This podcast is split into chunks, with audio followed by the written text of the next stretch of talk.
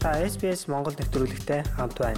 Бусад сонирхолтой нэвтрүүлгүүдийг SBS.com.cg Mongolian вебсайтаас хүлээн аваарай. Сайн байцгаана уу хүмүүс сонсогчдоо. Австрали улс жилийн хамгийн урт амралтын өдрүүдэд дуусгаад ажил сургуульд орцголоо. Зуны амралтаа сайхан дууссан сурагчдынхаа шинэхэн хичээлийн жилдэн дуустын болох зөвлөгөөг энэ удаагийн оршин суух хөтөч булгангараа онцлог өгч байна. Өнгөрсөн 1-р сард COVID-19 сар дахлын талаар зочирдсон мэдээг сонсоход Адая Перес 11 настай байлаа. Гэвч вирус Австралийн иргэд ирэх хүртэл Адая болон түүний найз нар үүнийг огтомж тоож байсангүй. Энэ талаарх мэдээнүүдийг үзээд хүмүүр нэг их юм бодоагүй хаа. Халдвар тухайн орондоо л дарахж байгаагаас бус энэ хүртэл ирчихнэ гэж бодож байгаагүй. Яг л хөл ургаад ирчихгүйтэй адил санагдсан. Гэвч тэгсэнгүй. Өнгөрсөн 5 дугаар сард хүүхдүүдэд туслах шугамаас гаргасан судалгаагаар тус байгууллагатай холбогдсон тусалсан авсан хүүхдүүдийн 39% нь ажил хичээл эргөө ороход санаа зовнож байгаа илэрхийлсэн байна. Энэ талаар тус байгууллагын нэгэн зөвлөхийн хүү тайлбар өгсөн юм. Маш олон хүний хувьд хичээл ном ажил сургууль орох хэсэгт эргэлзээтэй байгаа гэсэн үг. Нэгдүгээр шалтгаан нь COVID-19 цар тахлын удаах тавлага гарчвал гэр бүлдээ халдвар өгчихгүй. Нөхцөл байдал улам хурцдахгүй гэдэгт санаа зовж байсан юм. Хоёр дахь шалтгаан нь COVID-19 цар тахлаас өмнөх үе шиг бүх зүйл хэвийн байдлаа орохгүй болж улмаар амьдрал сургууль томоохон өөрчлөлт гарахгүй гэсэн явдал байлаа.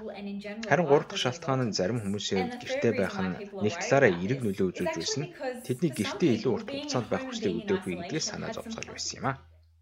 Ийхүү нэг жилийн дараагаар улсын хэмжээнд сургуулиуд COVID-19 цар тахлын үед өөрчлөлтийг хэрхэн зохицуулахад суралцаад байгаа төдийгүй дийлэнх нь халдвараас хол байж чадж байна гэдгийг Пертийн Телетон хүүхдийн институтийн хүүхдийн халдвар төвчин судлалын мэрэгжилтэн дэд профессор Аша Боун хэлж байлаа. Сургуулийн орчинд томчуудын хөдөлгөөнийг хорсон цаг үеч бидэнд бий. Гараа угаах болон амьсгалын замын ариун цэвэр, тохоондоо найтаж байх, мөн сальтвитгэнд найтасны дараа заавал хогийн саванд хайж байх, гараа ариутгаж байх зэрэг хүүхдүүдэд заах шаардлагатай маш чухал дадлал байсан юм. Энэ нь хүүхдүүдийг сургуулийн орчинд идэвхтэй байхад нь хэрэг болсон.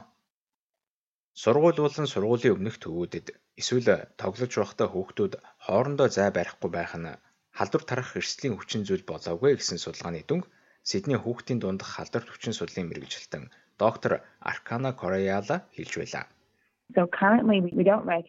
Сургуулийн орчинд хоорондын зай барихыг шаардлагатай гэж би зөвлөхгүй байгаа. Хүүхдүүдийн хувьд бусдаасаа зай барьж тоглохгүй байна гэдэг маш хэцүү зүйл шүү дээ. Тэгвэл Австралийн эрүүл мэндийн яамны захим хуудаснаас харвал COVID-19 цар тахлын бүртгэгдсэн тохиолдлуудын дөнгөж 4.5% нь сургуулийн насны хүүхдүүд байсан байна. Мөн доктор Боуны судалгаагаар өнгөрсөн хичээлийн жилийн 3 дугаар улирлын эцсийн байдлаар шинэ өмнөд үеэс мужийн сургуулиудад коронавирус халдварлах түвшин багассан байна. Тодорхойлбол 6000 орчим хавлын тохиолдол бүртгэгдсэнээс нэгээс бага хувьд л халдвар дарахсан дүнтэй байна. Children under 10 are much less likely. 10-аас доош насны хүүхдүүдийн хувьд бусдад халдвар тараах болон өөрөө халдварлах нь бага байна. Энэ нь тэд огт өвчлөхгүй гэсэн үг биш ч бага түвшинд байна гэсэн үг. Хүүхдүүдийн нас ахиж ахлах сургуулийн сурагчид болж цаашаасаар сургууль төгсөх болж насанд хүрэх төхөөд ирэхээр эрсдэл дагаад нэмэгдсээр байгаа. Ийм шалтгааны улмаас 12-оос дээш насны хүүхдүүдийг нийтийн тээврээр зочихтой амны алт зүүж байхыг доктор Кореяла зөвлөж байна. Сурагчид маань нийтийн тээврээр явахдаа амны алт зөөх зөвлөмжийг дагах хэрэгтэй. Учир нь нийтийн тээврээр насанд хүрсэн хүмүүс голчлон зорчихын зэрэгцээ. Агарын солилцоо маш муу орчин учраас амны алт зөөх нь маш чухал юм. Австралийн нийт эрүүл мэндэд зориулсан зөвлөмжөөр 12-оос доош насны хүүхдүүд амны алт зөөх шаардлагагүй байна. Харин халдварын дэгдэлтэй гарвал энэ зөвлөмж өөрчлөгдөнө гэдгийг доктор Бөөвн хэлж байсан юм. Шин төрлийн вирусын халдвар дотоодод тархаагүй болохоор үүнд нэг их санаа зовхгүй байгаа гэдгийг ч тэрээр хэлж байсан юм. Дэгдэл гарах бүрт хүүхдүүдэд хамгаалахын тулд амны алт зүүхийг шаардах нь магадгүй нэг шаардлагатай үе зүүхгүй болчихгүй гэсэн эрсдлийг үүсгэж байна. Иймд одоохондоо хүүхдүүд сургуулийн орчинд амны хаалт зүүх шаардлагагүй гэж бид үзсэн. Гэхдээ бид халдварын өөрчлөлт, хүрээлэн буй орчны өөрчлөлт ихээхэн анхаарал хандж байх хэрэгтэй. 50 гаралтай Юна Чао бол сургуулийн насны хоёр хүүхэдтэй нэг. Түүний хийж буугаар тайванчууд олон нийтийн газрууд болон сургуульд явахдаа амны алт зүүх нь хэвээ үзэгдлээ гэдгийг хүүхдүүд нь мөн мэддэг болсон гэнэ.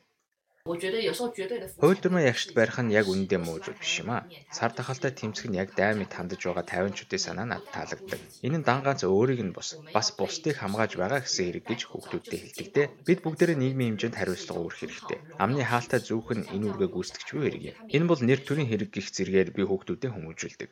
Тэжж гисэн энэ санааг мань хүлээн зөвшөөрдөг дөө.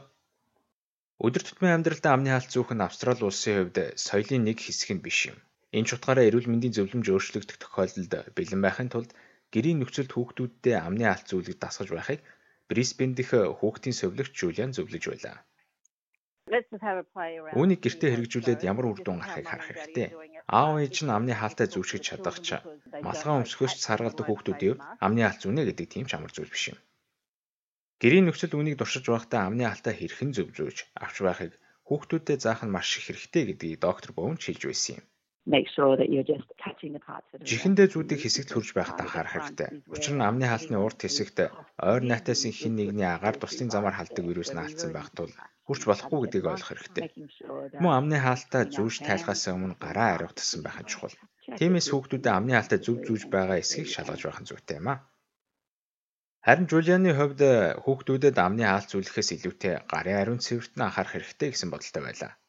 Мөн тэрээр ханиа томоогийн шинж тэмдэг илэрвэл хүүхдүүдэд сургуульд нь явуулахгүй байх нь маш чухал алхам гэдгийг хэлж байлаа. Ийм үед хүүхдүүдэд сургуульд нь бүү явуул. Энэ нь заавал ковид байх албагүй юм л да. Учир нь дархлааны асуудлаасаа болж ханаа том маш хүн дээр тусдаг хүүхдүүд байдаг тул тэдэнд ч ханаа талдаж болзошгүй гэдгийг анхаарах хэрэгтэй. Хэрв та Австралийн засгийн газрын COVID-19 цар тахалтай холбоотой хамгийн сүүлийн зөвлөмжүүдийг харахыг хүсвэл australia.gov.au гэсэн хаягаар зочлоно. Харин 25-аас доош насны залуус хүүхдүүдэд чиглэсэн сэтгэл зүйн дэмжлэг авахыг хүсвэл 18 тэг тэг 55 18 тэг тэг гэсэн дугаараар хүүхдэд туслах шугамд холбогдох боломжтой. Apple Podcast дээр манай нэвтрүүлэгт үнэлгээ өгнө үү? Энэ манай нэвтрүүлгийг хайж олоход бусдад бас туслах юм.